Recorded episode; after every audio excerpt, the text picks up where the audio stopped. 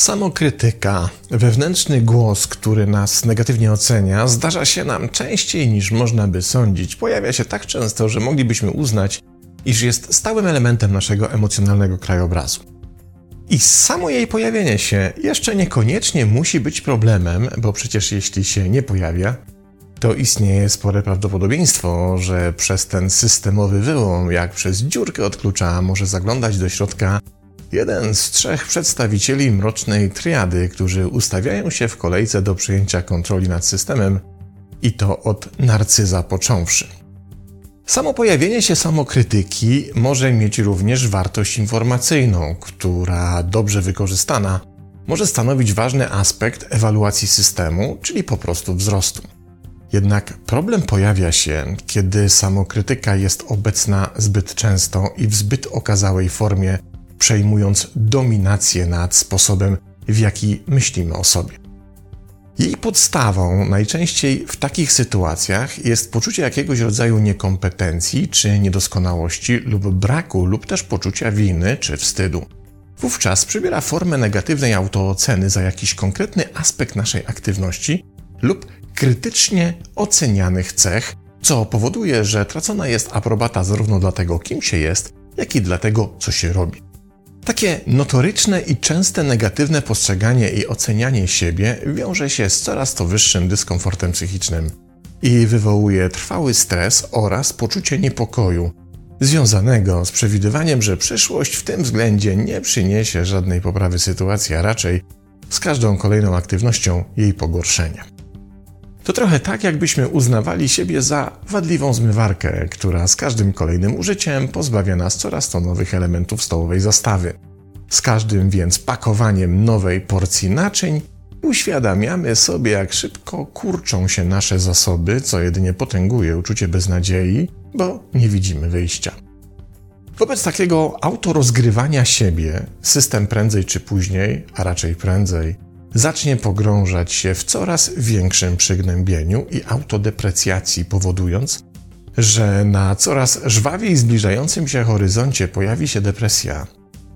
I ten właśnie związek pomiędzy samokrytyką a depresją został udowodniony badawczo w wielu różnych badaniach, ale chyba najbardziej znane są te z 2020 roku połączonych sił naukowców z trzech uniwersytetów Stanforda, Nowego Jorku oraz McGill. Wykazano w nich, że istnieje ścisła zależność pomiędzy samokrytyką wynikającą na przykład z niezaspokojonego perfekcjonizmu w dążeniu do osiągnięcia celów, a objawami depresji, które pojawiają się w ciągu zaledwie kilku miesięcy od zaistnienia przyczyn zachowań samokrytycznych i niskiej oceny wynikającej z braku realizacji oczekiwań wobec zakładanych osobistych standardów.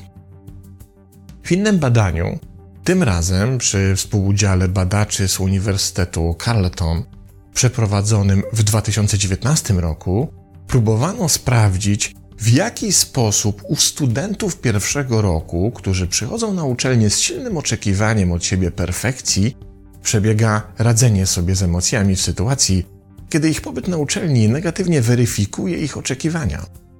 Okazało się, że im wyższe były początkowe oczekiwania perfekcjonistyczne względem siebie, tym częściej pojawiało się w tych przypadkach zjawisko spiralnego modelu pogorszenia stanu psychicznego, w którym samokrytycyzm prowadził do wystąpienia, a później nasilania się objawów przypisywanych depresji i utrzymujących się przez wiele kolejnych miesięcy.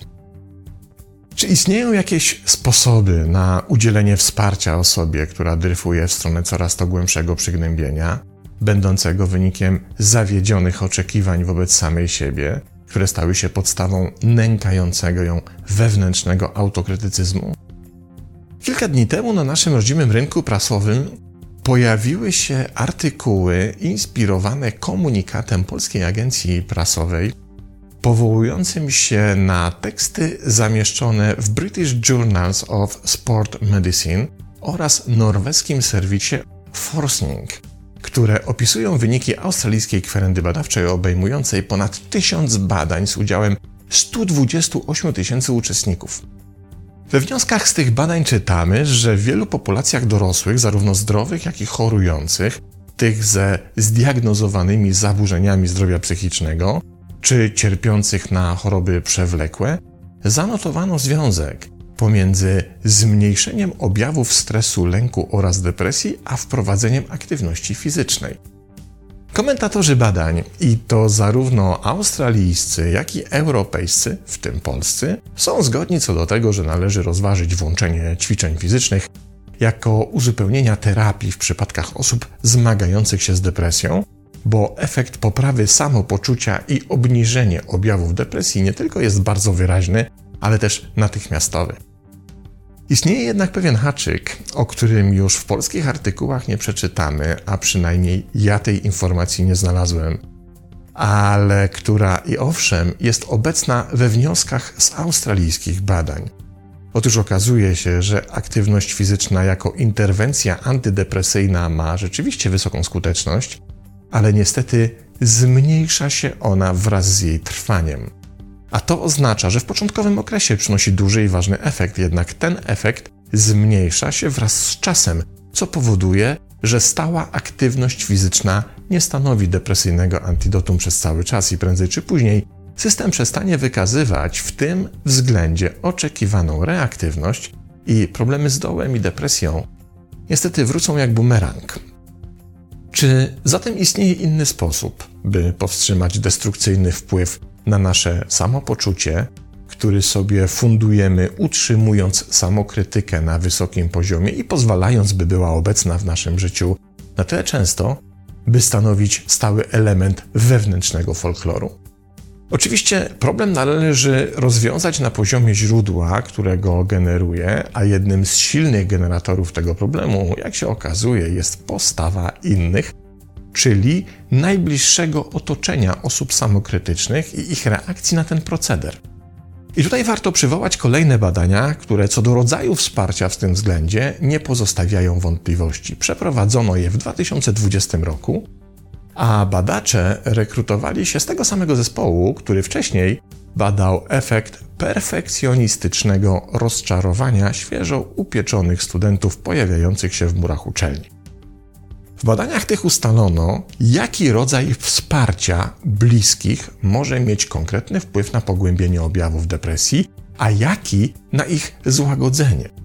Mówiąc inaczej, chodziło o to, jakie zachowania naszych bliskich dodają, a jakie odbierają moc naszemu wewnętrznemu krytykowi.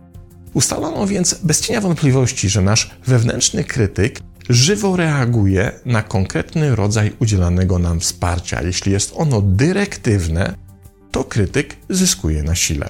Kiedy zaś przybiera ono formę wsparcia autonomicznego, to krytyk zostaje osłabiony, co ma silny i konsekwentny wpływ na złagodzenie objawów depresji.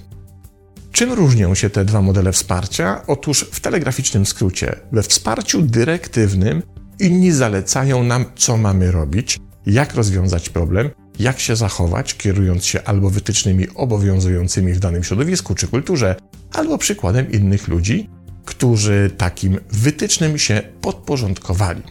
To więc sytuacja, w której słyszymy: Zrób to tak, jak ci mówię. Czemu nie możesz być jak inni na Twoim miejscu? Powinnaś sobie z tym poradzić, tak jak cała reszta.